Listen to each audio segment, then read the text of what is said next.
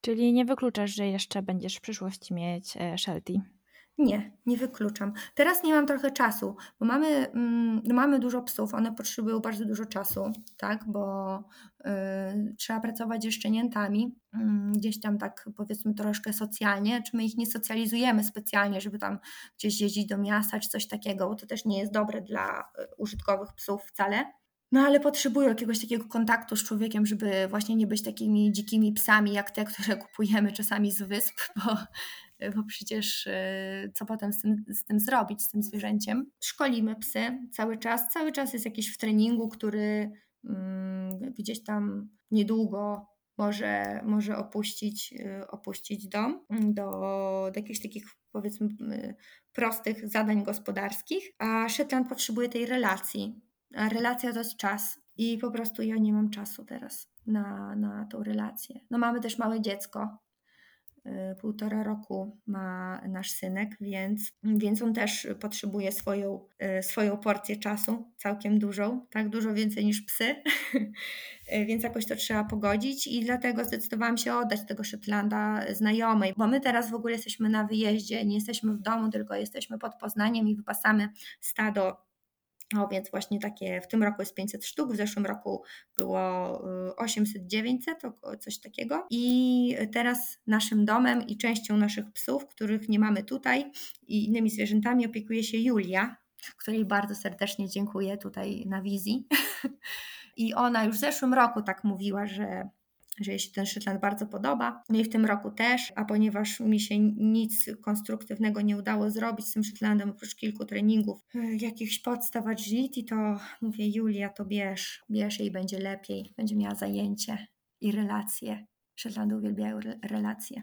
To jak wygląda taki Twój typowy dzień i praca w gospodarstwie? Taki typowy dzień w domu wygląda tak, że wstajemy, wypuszczamy psy, Y, wypuszczamy je na, na wybieg, tak w grupach, y, ponieważ mamy dużo tych psów, tak, czyli te między 15 a, a 20 psów, tak można się domyślić, nie wypuszczamy ich wszystkich razem. To w większości są w ogóle młode psy, więc wypuszczamy je w grupach, takich no najczęściej 2-4 y, psy. Tak? I to jest to, co pierwsze robimy. Potem karmimy te psy, Y, robimy obrządek przy zwierzętach, oczywiście cały czas z dzieckiem gdzieś na ręku albo w wózku.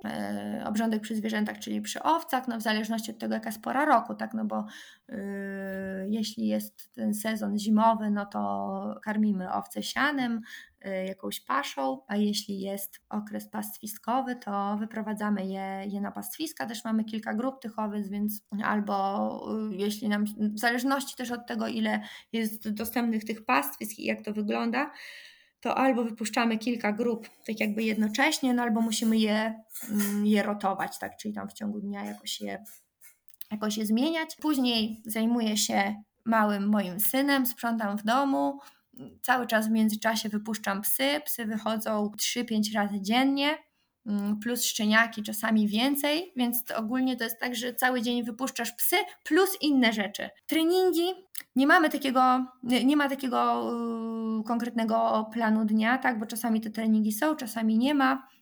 My też e, tak naprawdę nie mamy jakiegoś programu treningowego, ponieważ mój Tomek cały czas pracuje w korporacji, jakby my nie żyjemy z psów, nie utrzymujemy się z psów. Tomek pracuje w korporacji, więc on musi pogodzić dom, pracę i psy, więc tak naprawdę no, no czasami jest ciężko to wszystko zrobić i jeszcze z tym małym człowiekiem, żeby on nie czuł się gdzieś tam pokrzywdzony i pominięty. Ja najgorzej wspominam wykoty jak Tomek pojechał gdzieś na seminarium do Czech, chyba, i nie było go tydzień, i wszystkie owce postanowiły urodzić po prostu w ten tydzień. I ja z tym małym, z małym człowiekiem i z tymi owcami, och tak, to było ciężkie, żeby je to wszystko oddzielić, przypilnować. Tak, bo my zawsze oddzielamy mm, matki, bo to też tak nie wszyscy robią, większość osób tak robi, ale nie, nie wszyscy z tego co wiem. No, my oddzielamy, więc oddzielić te matki z, y, z młodymi, y, tak wszystkiego to przypilnować, dojrzeć. Y, tak, to było, pamiętam, bardzo ciężkie. A dlaczego przestałaś startować w zawodach? Bo szło ci świetnie. Planujesz do tego wrócić jeszcze? Tak, myślę, że planuję, bo ja nigdy, to tak wyszło trochę, bo nigdy nie, nie podjęłam decyzji, że o, przestaję startować, tylko raczej było tak, że ja nigdy z psami y, nie miałam y, takiej dłuższych chyba y, zawodnika. Ja dość dużo się nastartowałam w życiu, bo ja biegałam, więc te zawody lekkoatletyczne gdzieś tam były przez większość mojej szkoły. Potem rodzice mieli też konie, mieli 30 koni, więc ja przy tych koniach też pracowałam, też trochę jeździłam, też startowałam i chyba się wystartowałam trochę. Tak na to wygląda. Zawody nie, nie dają mi takiej frajdy. Ja wolę, lubię mieć dobrze wytrenowanego psa, lubię mieć do, wszystko dobrze zrobione, yy, wszystkie jakby zasady i punkty mieć eleganckie, e, natomiast nie, nie, nie ma we mnie takiej rywalizacji. Ale czasami startuję. No, startowałam y, mm, w ciąży jeszcze, czyli dwa lata temu z Nel we Włoszech. Tutaj z borderami troszeczkę z Nel moją, mnie troszeczkę od startów mm, odstrasza to, że ja bardzo słabo dzielę, bo ja y, mam dość y, delikatną taką psychikę ogólnie i owce to wiedzą i one mi się nie, nie chcą dobrze ustawić. Ja bardzo dobrze je kumuluję, a nie umiem ich, ich ustawić i, i, i, i, i dobrze oddzielić, tak żeby Nel mogła ją wziąć. I to jest paradoks, bo najczęściej jest tak, że człowiek coś tam umie zrobić, ale nie umie nauczyć psa, żeby robił. A ja mam odwrotnie, czyli mój pies w ogóle świetnie dzieli za to ja jestem kompletną katastrofą tutaj w shedding ringu, więc to jest coś takiego, co mnie y, troszeczkę odstrasza. Natomiast na pewno wrócę, jak tylko yy, mój syn zacznie normalnie jeździć samochodem, bo na razie 20 minut samochodem to jest dla niego maks, bo jest bardzo ruchliwy i od razu chce już gdzieś łazić i, i wychodzić z tego fotelika, yy, to myślę, że wrócę do zawodów że będę startowała. Teraz mam też córkę Nel, y, którą, y, którą szkolę. I, I myślę, że z nią będę chciała y, gdzieś tam troszkę zacząć. Więc teraz głównie nie startuję, dlatego że, że, że mój syn nie chce jeździć samochodem. No właśnie, to skoro już zaczęłaś o tych zawodach, to na czym one tak w ogóle polegają i co podlega ocenie? Mm, jest bardzo dużo typów zawodów. I y, no powiedzmy tutaj u nas w Europie to się dzieli na styl tradycyjny i na styl angielski, tak? Czyli styl tradycyjny to są wszystko, wszystkie rasy oprócz border collie, no a styl angielski to są border collie. I ten styl tradycyjny to jest, y, tak w skrócie oczywiście wszystko opowiem, to jest prowadzenie owiec za człowiekiem, przeprowadzanie wspólnie z człowiekiem przez jakieś przeszkody, przez mostki, przez bramki, jakieś yy, powiedzmy trudności w ukształtowaniu terenu, yy, tak, wprowadzanie, wyprowadzanie z koszaru. No ogólnie, żeby to wszystko tak super ładnie wyglądało, to też nie jest taka prosta sprawa, tak, żeby żeby ten pies ładnie te owce prowadził, żeby w nie nie wpadał, nie płoszył, żeby był posłuszny, tak? No tak jak w, jak w każdym sporcie, mm, to, to wymaga pracy i jakiejś tam ogłady. E, potem ten styl angielski dla, e, dla border collie. Kiedyś były tutaj też kelpi, ale je przenieśli do stylu tradycyjnego. Więc to polega w skrócie na tym, że pies biegnie po owce outran. Człowiek stoi przy słupku, od tego słupka właśnie wysyła psa na outran. E, outran jest w odległości powiedzmy, no to też różnie, tak, bo to zależy troszeczkę jaka jest łąka i tak dalej, ale powiedzmy między 200 a 600 metrów. Biegnie po te owce, podejmuje je, przyprowadza. Y, człowiek cały czas stoi przy słupku. Przy, na przyprowadzeniu one muszą iść y, linią prostą i przejść przez bramkę, lub y, jeśli jest fecz tak zwany łamany, no to trzeba je poprowadzić po takiej przekątnej i, i też przeprowadzić przez bramkę. Człowiek nadal stoi przy słupku. Mm, owce muszą go obejść i zrobić drive, czyli mm, pies musi zrobić drive, czyli przeprowadzić owce po takiej wyznaczonej trasie, tak ona zazwyczaj jest po jakimś trójkącie. I wprowadza do shedding ringu i w tym shedding ringu mm, jest dzielenie, czyli mamy pięć owiec na takim przebiegu dla, dla border collie i dwie owce mają obroże. I w dzieleniu y, chodzi o to, żeby wydzielić dwie owce z trzech bez obroży. I trzeba je tak ustawić, tak wskazać psu, żeby pies dobrze wydzielił. Dalej łączy się te owce, prowadzi do koszaru, koszaruje, wyprowadza z koszaru, y, znowu do shedding ringu i to jest ostatni element, to jest singiel i trzeba wysinglować y, jedną owcę z dwóch z obrożami. To jest taki tam taki powiedzmy podstawowy przebieg. Nie zawsze są obroże, nie zawsze jest pięciowiec, czasami jest mniej. To trochę zależy od tego, jakie y, mamy stado do dyspozycji. Tak, odległości też się różnią w zależności od, od łąki. I tak to wygląda. Natomiast na świecie jest, y, jest tego trochę więcej. Na przykład w Stanach dość popularne są triale arenowe, czyli jakby całość rozgrywa się na, po prostu na takiej arenie, tak? czyli jest jakiś tam plac ogrodzony o określonych wymiarach. Y, na tym placu stoją przeszkody. Człowiek ma albo punkty, albo linie, w których może stać w określonym czasie, tak, a pies musi przeprowadzić zwierzęta po, y, po trasie. No i w Stanach y, jest tak dość mocno rozwinięte też praca na różnych gatunkach, czyli tam na owcach, na kozach, na y, kaczkach, na indykach, tak, tam jest tak powiedzmy bardziej ciekawie. No a tutaj, tutaj w Europie no to raczej owce. Tam zdarzają się jakieś zawody z krowami, ale tego jest niewiele, mm, raczej owce.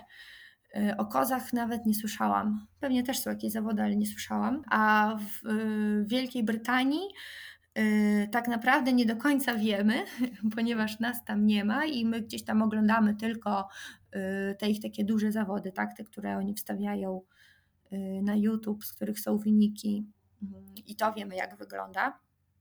Natomiast oni mają mnóstwo zawodów, mają takie małe zawody popołudniowe, takie po pracy można sobie pojechać i, i postartować. Właśnie kto był w Walii, to tam prawie codziennie jakiś trialik był. Nie na każdemu się y, udało dojechać, tak, ale, ale cały czas coś tam było.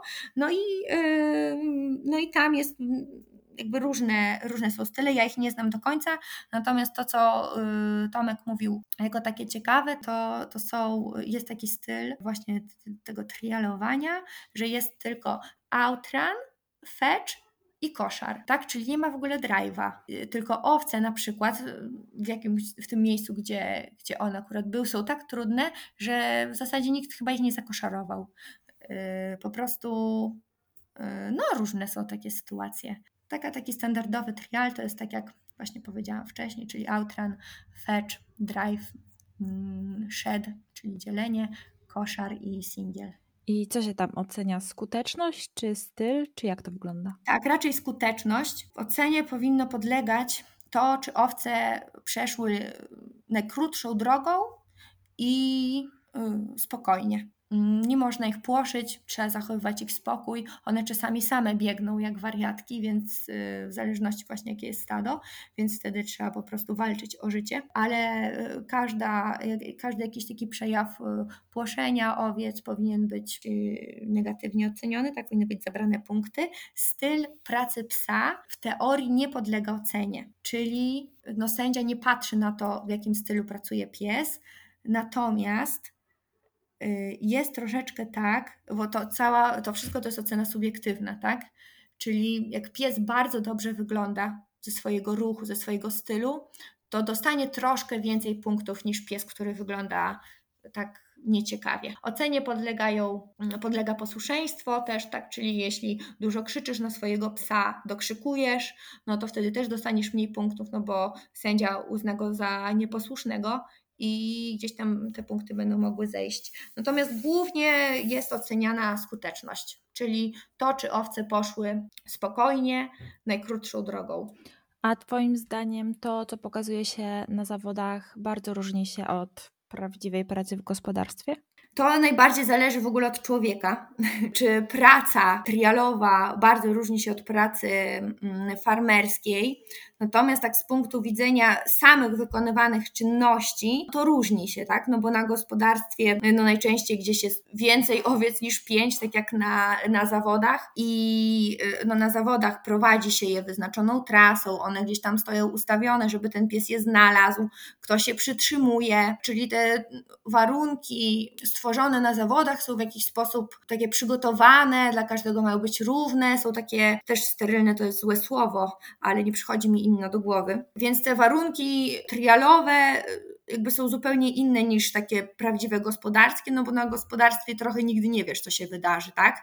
I czasami nie wiesz, jaka praca przyjdzie tutaj do zrobienia. I teraz na gospodarstwie to jakby co musisz robić, to trochę zależy od specyfiki Twojego gospodarstwa, od tego, co oczekujesz, że ten pies zrobi, od tego, mm, jakiej oczekujesz jakości y, zrobienia, zrobienia tych, tych różnych rzeczy, bo są różne gospodarstwa, tak? Możesz mieć małe gospodarstwo z kilkudziesięcioma owcami i na przykład tylko je wyprowadzać na pastwisko i do domu i one znają świetnie tą drogę i tak naprawdę ten pies y, tam powiedzmy, że się tylko za nimi włóczy i gdzieś tam tylko mm, im towarzyszy.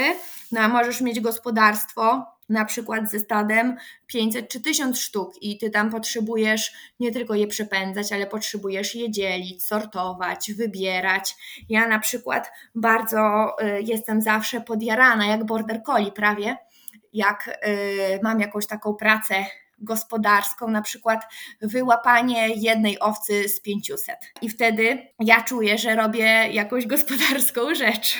Mm, na przykład tutaj właśnie, gdzie wypasamy te owce, to trafiło się kilka owiec, które y, dużo później zaszły w ciążę niż, y, niż reszta i, i zaczęły kocić się, czyli rodzić tutaj właśnie już na, na tym miejscu wypasu. Najpierw trzeba było złapać jagniaka, to jest najprostsza najprostsza rzecz, a później wyszukać i wydzielić tą matkę, która nie zawsze y, chciała zostać przy jagniaku, tak, bo pewnie miała różny instynkt y, opiekuńczy, czasami pewnie wolała po prostu porzucić dziecko i pójść ze stadem, więc wtedy trzeba było ją, e, ją odszukać. No i teraz na przykład, jak chcę złapać taką owcę z 500 innych owiec, to ja już potrzebuję troszeczkę jakości psa. Czyli ja ustawiam te owce jakoś, potem mówię psu, którą ma wydzielić, którą ma przytrzymać, on ją odprowadza do, e, do zagrody, bo przypominam, że mam małe dziecko, ono często jest u mnie na rękach, więc yy, ja fizycznie nie mogę zazwyczaj złapać tej owcy,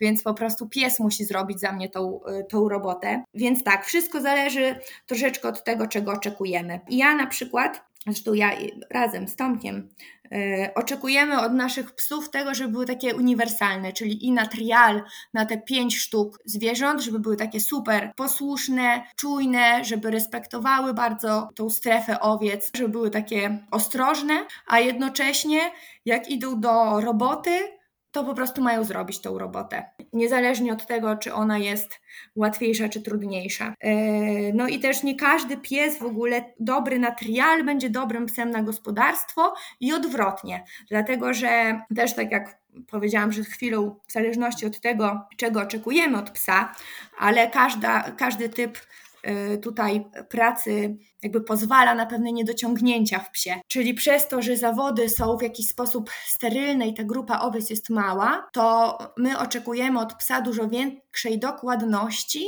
ale oczekujemy od niego mniejszej waleczności. W tym sensie, że te pięć sztuk owiec bardzo rzadko będzie wymagało od psa tego, żeby to był odważny pies, tak, żeby on z nimi mm, próbował zawalczyć, czy, czy je mocniej popchnąć, tak, bo one zazwyczaj są takie spłoszone jednak z tym, że są oddzielone od stada i tak troszkę, troszkę łatwiej można powiedzieć chodzą, choć to też zależy od typu owiec, więc to też bardzo skomplikowana rzecz, ale jako ogół. Natomiast ta dokładność i branie e, komend muszą być e, no, na perfekcyjnym poziomie, tak? Zwłaszcza jeśli chcemy, chcemy wygrywać na w sporcie, zazwyczaj chcemy. A gospodarstwo z kolei wybacza takie błędy, jak to, że, że pies na przykład ścina flankę, nie zatrzymuje się, bo nie każdego psa da się dobrze i dokładnie tego, y, tego nauczyć i niektóre cały czas ścinają flankę, tak? I tak jakby brakuje y, im już tej zdolności do nauczenia się tej flanki dalej, żeby biegały ładnie, albo za bardzo się gdzieś podekscytują i zetną, albo się podekscytują, albo się zestresują i na przykład wpadną w owce, tak, gdzieś pobiegną za szybko, właśnie nie chcą się zatrzymać i praca na gospodarstwie zazwyczaj yy, wybacza te, te błędy, zwłaszcza jeśli yy, mówimy właśnie o przepędzaniu jakichś tam większych stad z miejsca, miejsca na miejsce.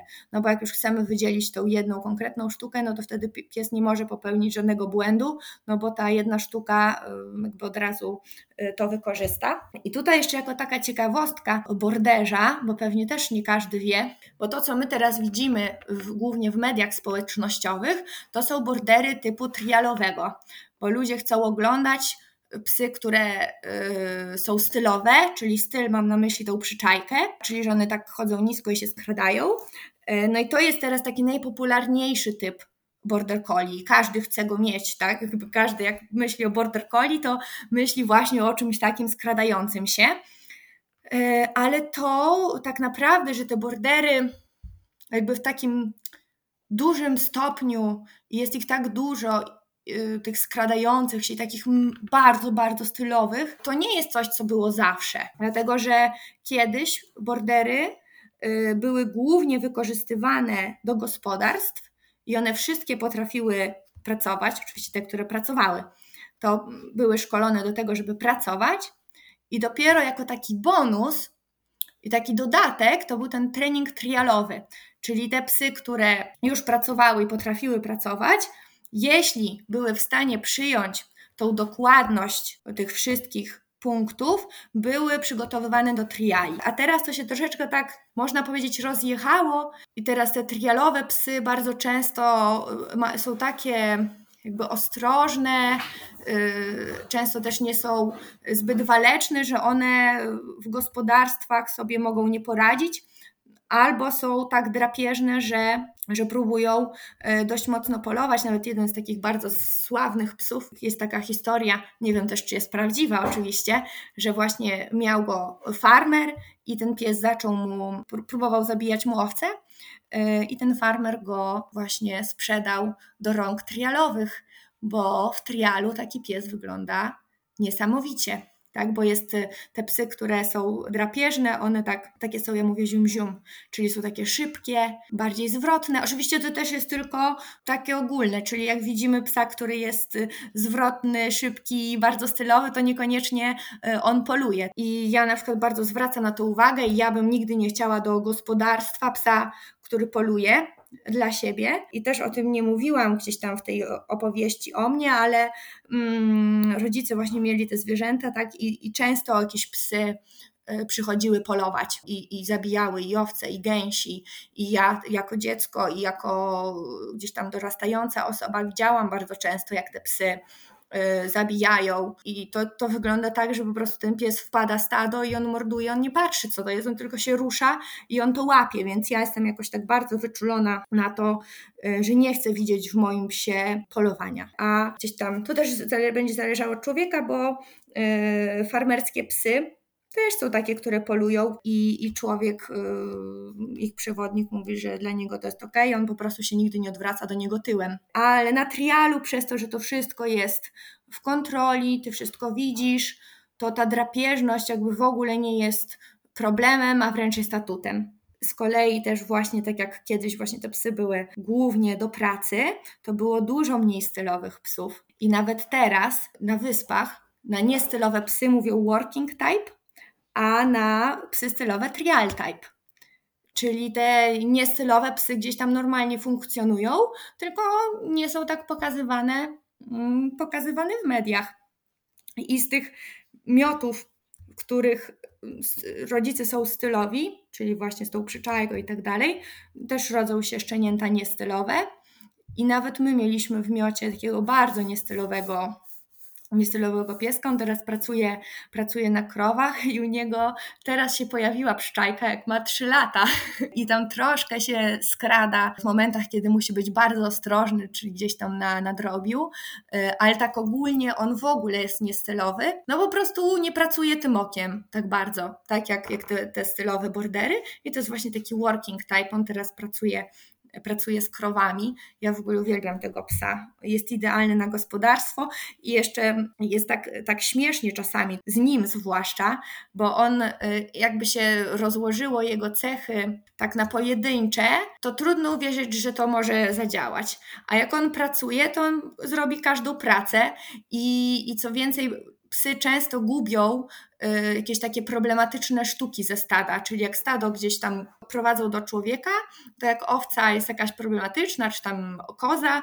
to pies po prostu ją ignoruje i goni stado dalej, y, zwłaszcza młode psy, a ten pies ten niestylowy, on nawet przez las potrafił przeprowadzić całe stado, nigdy nie zgubił ani jednej sztuki, y, mimo że zawsze był bardzo szalony i, i właśnie bardziej pędził te owce niż prowadził spokojnie.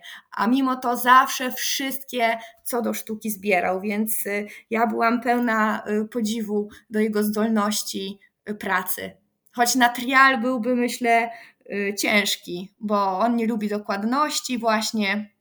On lubi sobie ściąć flankę, i oczywiście próbowaliśmy nad tym pracować, ale to jest taki typ psa, który właśnie nie chce Y, tej dokładności y, przyjąć. Tak, on chce pracować, ale bez, bez tej dużej dokładności. A z kolei też są psy, które na trialu wypadają bardzo dobrze, a jak weźmiesz takiego psa do gospodarstwa i on zobaczy na przykład, że owce uciekają, gdzieś tam ciągną, to on przestaje je gonić. On jakby jest w nim zero waleczności. Więc to jest taki bardzo złożony temat i najwięcej zależy właśnie od oczekiwań, oczekiwań przewodnika, czyli czy on chce mieć po prostu psa bardzo wysokiej jakości, który może zrobić wszystko, czy nie, a praca, a praca yy, pod względem zadań raczej się różni. I to jest tak z życia. No a tutaj jeszcze y, myślę, że y, osoby, które mniej się orientują w pasterstwie, mogą zwłaszcza nie wiedzieć, że trial mówi się najczęściej na zawody dla border collie i to tak jak to są właśnie odległości, praca na drive, czyli pies pracuje mm, niezależnie od, od przewodnika, mm, tylko na komendach, ale człowiek mu nie pomaga ciałem. Są jakieś tam pobiegi po owce, po te 300 300 metrów, a farma to są zawody dla y, najczęściej dla nieborderów, choć dla borderów też mogą być, ale to jest taki typ zawodów, gdzie pracuje się, gdzie pies pracuje blisko y, człowieka, że te odległości gdzieś tam nawet jeśli pies ma pobiec po owce, to raczej nie są takie duże. Przeprowadza się owce przez jakieś przeszkody, które one najczęściej je znają, tak, jakieś bramki, mostki, może być jakieś sortowanie owiec, no takie zadania wyciągnięte z prawdziwego gospodarstwa, przełożone w takie sterylne warunki zawodów.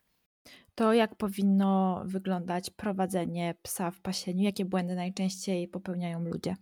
Najczęściej ludzie po prostu mają słabą kontrolę nad psami, a takim najczęściej, y, najczęstszym błędem szkoleniowym są słabe flanki, czyli flanka to jest y, mm, jakby kiedy pies biegnie dookoła owiec, tak tym łukiem dookoła owiec i owce mają dookoła siebie taką strefę prywatną, tak? Tak jak zresztą każdy ma. I teraz pies pracując na tych owcach powinien szanować tą strefę, czyli nie może wbiegać w tą strefę, tylko musi biegać po granicy. I teraz są psy, które wbiegają w środek albo biegają za daleko, tak? I ty musisz to y, wypośrodkować, czyli tak, żeby on biegł, y, biegł dobrze. I jak pies biegnie dobrze, to owce go widzą, ale się go nie boją, w sensie nie uciekają, tak? Albo przynajmniej odchodzą spokojnie, a nie w pędzie. Y, natomiast jeśli pies jest za daleko, no to owce na niego nie reagują, tak? Jak jest właśnie ścina, czyli jest za blisko, no to owce, bojąc się tego ruchu, uciekają. No i takie psy są najczęściej interpretowane jako bardzo mocne i dobrze pchające, a one tak jakby nie pchają, tylko płoszą. Bo pchanie to jest nachodzenie prosto na zwierzęta, tak dla mnie, tak idealnie, czyli jest flanka po łuku, mówię psu tam stop czy nachodź, on po prostu zaczyna iść prosto w kierunku zwierząt i to jest pchanie. I paradoksalnie nie każdy pies, który bardzo dobrze pędzi, to dobrze pcha. To nie jest takie oczywiste.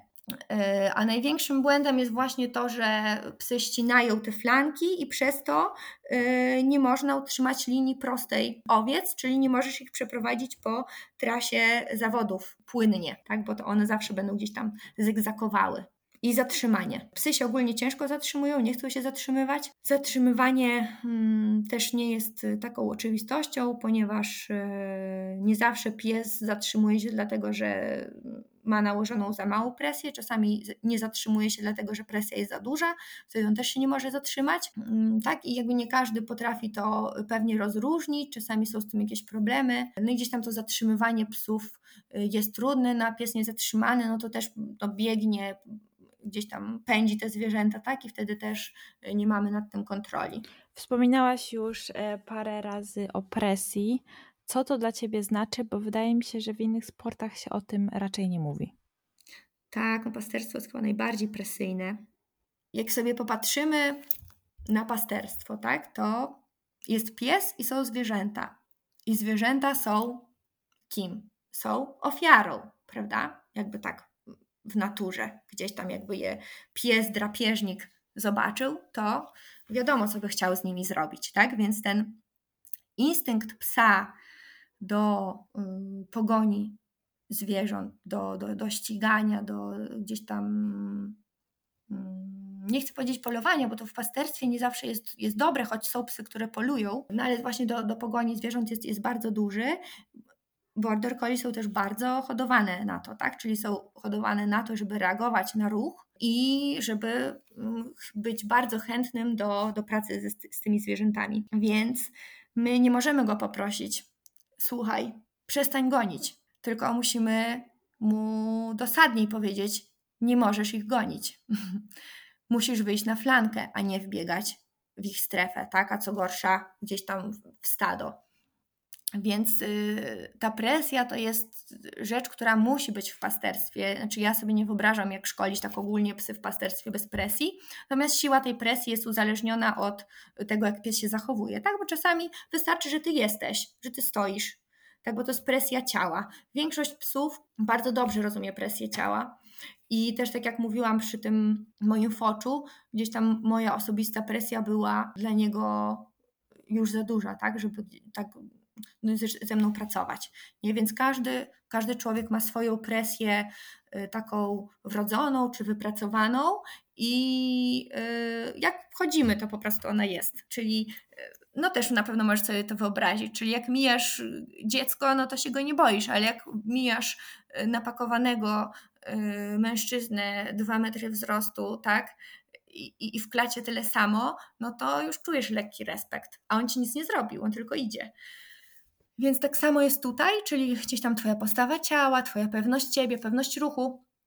Psy i w ogóle zwierzęta bardzo zwracają uwagę na tą pewność ruchu yy, i one jakby powodują, że masz tą presję lub jej nie masz, lub masz mało. Yy, no i to jest taka, taka podstawa, tak? Czyli to, jaki, jaki jesteś albo jak tam sobie wypracowałeś. Później ważne jest, w jakich punktach się znajdujesz w odpowiednim czasie.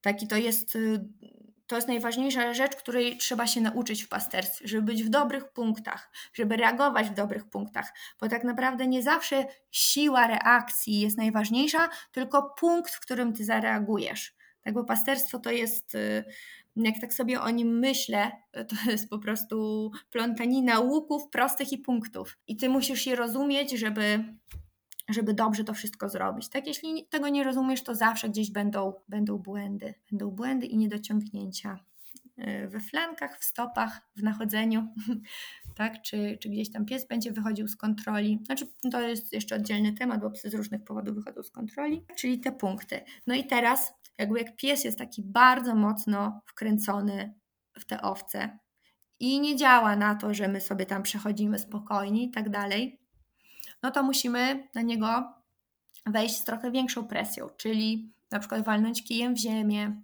krzyknąć, tak nabiec na niego, tak, czyli zabrać mu przestrzeń, odepchnąć go mm, od, od tych zwierząt. No i to trzeba zrobić kilka razy, aż on nabierze trochę respektu, bo praca w pasterstwie to jest bardzo dużo respektu, y, dużo zaufania do przewodnika, tak, ale na początku to jest y, no, głównie respekt jednak, bym powiedziała. Czyli ta presja polega na stosowaniu takim umiejętnym mowy ciała, żeby pies nas nie ignorował. Tak, dokładnie. Nie może nas ignorować. Tylko widzisz, to też jeszcze zależy od tego, jaką pies ma odpowiedź na presję, nie? Bo, bo są psy, które w odpowiedzi na presję zaczynają ją ignorować, więc wtedy już nie możesz dokładać więcej presji, no bo on coraz bardziej cię ignoruje. Więc wtedy musisz to zobaczyć i coś tam sprytniej pokombinować.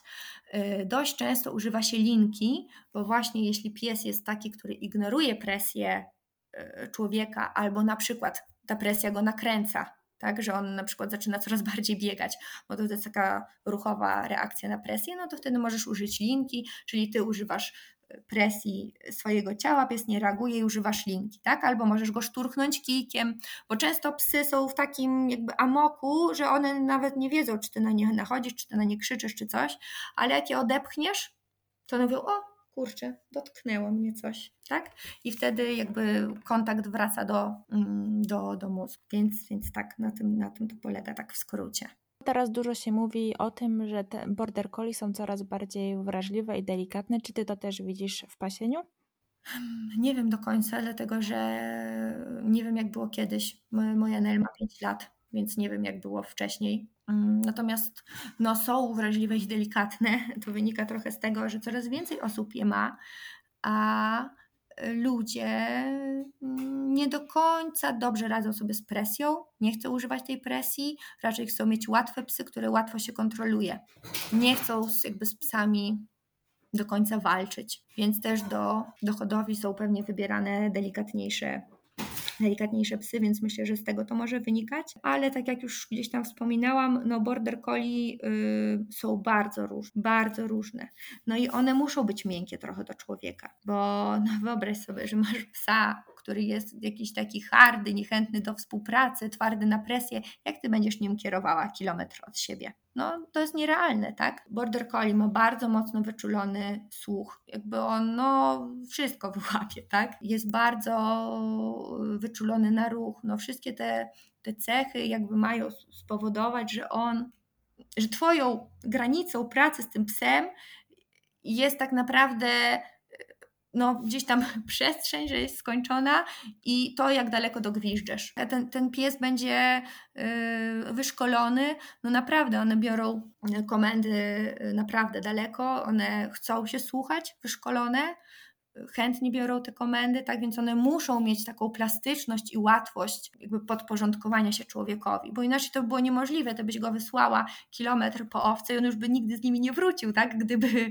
gdyby nie ulegał łatwo presji. Cały problem w tym, aby nie był za miękki, bo teraz to jest właśnie chyba znaczy nie wiem, czy teraz. Zawsze to było. Zawsze to było, tylko więcej się teraz widzi, myślę, y, że jest dużo takich borderów za miękkich albo gdzieś tam za bardzo wyczulonych na, na wszystkie bodźce, tak? No i wtedy jest rzeczywiście, rzeczywiście problem z takim psem, bo na niego krzywo popatrzysz, a on już idzie gdzieś pod płot i mówi, no ja tutaj zostaję i do śmierci. No i wtedy masz problem. Ale to jest raczej nie, nie, nie ogół, tylko no, takie przypadki, które gdzieś tam już uważam powinny być mm, kategorycznie eliminowane z hodowli, ale niestety nie są. A tobie z którymś z Twoich psów pracuje się zdecydowanie lepiej? Znaczy, no na pewno z Nel. Ona dobrze reaguje na presję, znaczy bardzo dobrze reaguje na presję przewodnika i jest dość odporna na taką presję otoczenia. Ma bardzo dobrą etykę pracy. Jest bardzo miękka na taką presję punktową, czyli tą, którą nakładasz tu i teraz, ale jest bardzo odporna na taką presję e, całej pracy. Nie? Czyli ty możesz wielokrotnie na nią nakładać małą presję i ona będzie cały czas pracowała. Nie jest tak, że mm, ma taki, znaczy każdy, mm, to czy pies ma dość presji, czy nie, to jest oczywiście kwestia tego, ile nakładasz, ale yy, no u niej raczej nie ma tak, że możesz gdzieś tam przesadzić, ona zawsze, zawsze chce być w pracy, zawsze jest, ona zresztą mi bardzo dużo, dużo pomagała w bardzo trudnych warunkach, no to jest yy, myślę Drugi pies, któremu najwięcej zawdzięczam pracy takiej pasterskiej, czyli pierwszym jest Bela, bo na niej się uczyłam tak naprawdę wszystkiego, a potem jest Nel, bo ona po prostu pozwoliła mi robić wszystko. Ja prowadziłam warsztaty na owcach, na przykład, które nigdy nie pracowały z psami, tak? Ona y, przez dwa dni, y, po kilka godzin potrafiła być na placu, pomagać przy tych owcach. Wiesz, ja tutaj nakładam presję na jakiegoś psa, tutaj nie brzydko robisz. Ona zna te słowa, tak? A cały czas była w dobrym miejscu. Ona zawsze wie, gdzie być. Więc ona jest bardzo taka mądra, bardzo dobrze rozróżnia sytuacje, i bardzo lubię z nią pracować. Też tam miałyśmy jakieś problemy, tak, no bo ona jest troszeczkę uparta. Troszeczkę uparta, ja troszeczkę nie umiałam sobie z tym poradzić, bo to pierwszy border, więc też tam pewnie y, trochę przegięłam z tą presją, żeby ją, y, ją opanować. Teraz już to robię trochę inaczej, ale no na pewno z nią. A czy to znaczy też, że w pasieniu w ogóle nie używa się jedzenia i zabawek? W ogóle. Znaczy inaczej. Można, bo tak jak też mówiłam, w Stanach uczą psy nie, raz niepasterskich na kliker, no i wtedy jest z jedzeniem. I można, jak masz delikatniejszego psa, czy takiego psa, który nie ma aż takiego dużego popędu do owiec jak border, czy aż takiej dużej reakcji na ruch, to możesz coś zrobić. Ja nawet czasami pokazuję ludziom takie ćwiczenia. Co prawda, oni nie zawsze chyba chcą to, tego używać, ale uważam, że te ćwiczenia mogą być bardzo spoko, to mi pokazała ta hodowczyni mojej suczki ze Stanów, Linda Rorem. Ona właśnie mm, już hoduje Szetlandy 30 lat. No i Szetlandy są właśnie takie wrażliwsze, więc ona tam ma takie różne ćwiczenia, żeby tego Szetlanda troszkę y, oswoić z presją. I uważam, że to bardzo ciekawe ćwiczenia i uważam, że bardzo dużo mogą dać, jeśli ktoś rzeczywiście to przećwiczy ale ja nie używam za bardzo y, takich rzeczy ze swoimi psami. A z borderem to no, chyba się nie da nawet. Y, też czasami, jak przychodzą do mnie mało pewne siebie psy i one potrzebują y, zabawki, to używamy, albo na przykład, żeby psu zmniejszyć stres związany z presją, to gdzieś tam używamy smakołyków i zabawek i robię to z osobami które do nas przyjeżdżają na treningi, natomiast nie robię ze swoimi. Ale tak kombinuję, kombinuję z takimi rzeczami, bo niektóre psy bardzo się stresują, tak? A jednocześnie, tak jak mówiłam wcześniej, no te psy mają duży pociąg do, y, do zwierząt, więc nie da się ich poprosić. Musisz gdzieś tam chociaż trochę tej presji nałożyć, tak? No i one wtedy gdzieś tam odczuwają stres, więc wtedy my próbujemy je tam obłaskawić.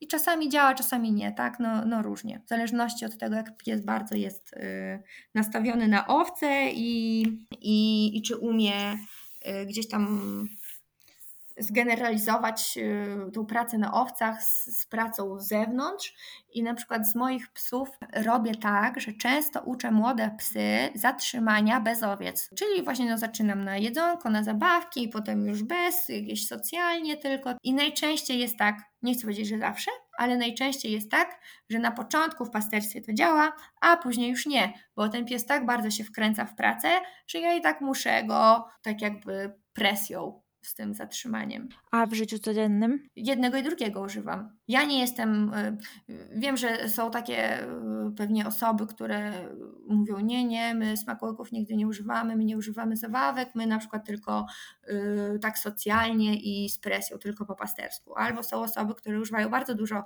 smakołyków, tak, żeby to było wszystko takie miłe. Ja mm, tak intuicyjnie używam wszystkiego. Zawsze tak robiłam i chyba tak już zostanie. A powiedzmy, że jesteśmy zainteresowani pasieniem i chcielibyśmy do niego wybrać psa. Czy da się u szczeniaka jakoś ocenić predyspozycję i właściwie czym ty się kierujesz przy wyborze szczeniaka? Troszeczkę da się ocenić, ale nie do końca. Można gdzieś tam ocenić jakby jego reakcję na ruch, na ruch zwierząt, to czy widzi zwierzęta, czy nie widzi. No i jeśli szczenie widzi zwierzęta, no to już wiemy, że raczej będzie widziało, ale bardzo często jest tak, że one tam w tym wieku, kiedy się najczęściej hodowcy wydają, czyli tam powiedzmy ten ósmy, ósmy tydzień, to szczenięta nie widzą jeszcze, nie gonią, nie chcą gonić yy, zwierząt, tak? Więc wtedy nie da się powiedzieć i my najczęściej trzymamy nasze szczeniaki dłużej, czyli nawet do do 12 czy do 14 tygodnia. Wpuszczamy sobie je do owiec i obserwujemy, y, obserwujemy jak się pokazują. To, co wtedy możesz zobaczyć, to jest taki to nawet niekoniecznie instynkt y, w takim znaczeniu talentu, tylko często to jest reakcja na ruch po prostu. Tak więc jak szczenie wygląda bardzo dobrze, to może, może oznaczać, że to będzie utalentowany pies, ale może równie dobrze oznaczać bardzo niewiele. Jest mnóstwo szczeniąt, które wyglądają niesamowicie w tym wieku, właśnie kiedy zaczynają reagować na ruch, no a później troszeczkę giną. I my, y, jak wybieramy szczenięta, to jest w ogóle bardzo. Yy, bardzo trudno odpowiedzieć na to pytanie, bo nie mamy jakiegoś takiego klucza, tylko właśnie sobie je obserwujemy. Najczęściej wybieramy szczenięta, które w jakiś sposób y, po prostu lubimy w miocie które gdzieś tam nam pasują charakterem i na przykład w pierwszym miocie Nel y, tam zostawiliśmy Sky i jak wybieraliśmy szczenięta, to Sky w ogóle nie goniła owiec. Ona ich nie widziała w ogóle. Ale jak zaczęła je widzieć, to od razu wyglądała świetnie. Natomiast bardzo długo ich nie goniła. Ona skończyła 3 miesiące. No, chyba miała ponad 3 miesiące, nie pamiętam teraz bardzo dokładnie, ale już dawno jak szczeniaki były wybrane i e, porozdawane, to, e, to ona dopiero zaczęła gonić. Czyli przypuśćmy, że mamy już jakiegoś e, szczeniaka, to w jakim wieku najlepiej zacząć treningi pasienia i czy to jest tak samo dla border collie, jak i dla innych ras? Według mnie to będzie tak samo. Y, szkoły są bardzo różne, dużo zależy właśnie od, od trenery, od tego, co on uważa. My robimy tak, że y, młode psy puszczamy do owiec i sprawdzamy, co robią. Y, I tak jak mówiłam poprzednio, no to są takie popędowe psy, niektóre są dość drapieżne. No i wiadomo, że szczeniak raczej jest mało szkodliwy i powiedzmy taki łagodny do, do zwierząt, natomiast jak on z wiekiem staje się coraz bardziej coraz bardziej popędowy, coraz bardziej drapieżny y, i już zaczyna to wyglądać tak, że trzeba by było nałożyć na to zwierzę presję, a ono jest nadal za młode, to przestajemy je puszczać i to jest powiedzmy tam piąty, szósty miesiąc. My nie pracujemy z takimi psami yy, najczęściej. Czasami jest tak, że jak jest bardzo, bardzo właśnie taki chętny do tych zwierząt, to próbujemy wtedy nałożyć trochę presji, ale to jest raczej taka próba niż, niż rzeczywiście yy, zaczęcie pracy, a taką pracę, treningi zaczynamy 10-15 miesiąc. Czyli te pierwsze miesiące to w ogóle się nie ingeruje, tylko się oswaja jakby psa ze zwierzętami? Nawet, nawet nie oswaja, tylko raczej to ciekawości naszej je wpuszczamy, tak? Bo dla nich to wszystko jedno, bo to nie ma znaczenia, czy ty będziesz go puszczała y, przez ten czas do zwierząt, czy nie, a raczej nawet gorzej, bo jeszcze czasami się nauczą jakichś tam głupot, tak? Czyli rozganiania tych zwierząt, będą je ganiały bardziej, bo się w ruch bardziej wkręcą, więc tak naprawdę, naprawdę my też ich nie puszczamy często, tak? Tylko na przykład raz w miesiącu, Czyli tam jak pies ma te pół roku, no to powiedzmy był tam około czterech razy czy trzy czy cztery razy łowiec, tak? No i jeśli w tym czasie, kiedy ma pół roku, jest bardzo y, już taki y, z dużą reakcją na ruch i, i że trzeba było na niego nakładać presję, to my nie puszczamy go do owiec, aż na przykład ma 10 miesięcy. Czyli taka osoba, która mieszka w mieście i chciałaby pierwszy raz ze swoim psem przyjechać, ze swoim szczeniakiem, to powinna poczekać do tych kilkunastu miesięcy. Tak, ja zazwyczaj polecam. Czasami y, ludzie chcą przyjechać ze szczeniakami, właśnie z takimi młodymi psami, żeby właśnie tylko puścić je i zobaczyć, y, czy one w ogóle będą chciały gonić, to jest ok i możemy je puścić, y, ale taka, tak rzeczywiście taka praca i treningi, to my nie polecamy zaczynać przed dziesiątym miesiącem, a i tak nie każdy pies jest gotowy. Tak jak powiedziałam, niektóre psy są gotowe nawet około 15 miesiąca, tak? E, to jak wygląda taki pierwszy trening i czy w ogóle można już przed nim coś zrobić z psem, żeby się jakoś przygotować? Nie, nie trzeba. I u nas pierwszy trening wygląda tak, że ja albo Tomek wchodzimy z, z psem i zachęcamy, znaczy też zależy jak to, jak to wygląda, tak jeśli on potrzebuje zachęcania, to zachęcamy go, żeby gdzieś tam podjął yy, to gonienie owiec. Staramy się tak to poprowadzić, żeby owce były bezpieczne, tak, a pies, żeby też miał raczej dobre y, wspomnienia z tego pierwszego, y, pierwszego wchodzenia, żeby on się raczej motywował, no bo żeby pies później mógł przyjąć tą całą presję, no to on najpierw musi zbudować y, w sobie motywację do owiec. A może być tak, że on nie wykaże żadnego zainteresowania i to już będzie znaczyło, że już nigdy nie wykaże, czy to jakby pierwsze, pierwsze spotkanie nie ma takiego znaczenia? Mm, nie ma aż takiego znaczenia. Są psy, które pierwszy raz, w ogóle to też jest e, taki skomplikowany temat, to bardzo zależy od psa, tak, no bo jak wiemy, psy są różne i każdy pies potrzebuje jakby innego bodźca, tak? Na przykład jeden pies zacznie w małym y, koszarze, a inny potrzebuje większej przestrzeni. Jeden zacznie na owcach, które się nie ruszają za bardzo, tylko są takie spokojne, dla niego to będzie y, wystarczający bodziec, a inny pies potrzebuje, żeby te owce gdzieś pobiegły, żeby się ruszyły. Tak, on najpierw potrzebuje zareagować ruchem, y, znaczy na ruch, tak po prostu na ruch, a dopiero później on gdzieś tam zobaczy w tym zwierzęta i, y, i pracę, więc to jest bardzo różne i y, bardzo zależy od psa. Więc z każdym psem trzeba troszeczkę, troszeczkę inaczej i jeśli za pierwszym razem pies nie chce ich gonić, to zupełnie nie trzeba się tym przejmować. My zawsze mówimy, w ogóle się nie przejmuj, trzeba poczekać i przyjechać z nim, spróbować jeszcze raz. Nad czym powinno się skupiać w tych pierwszych miesiącach treningów?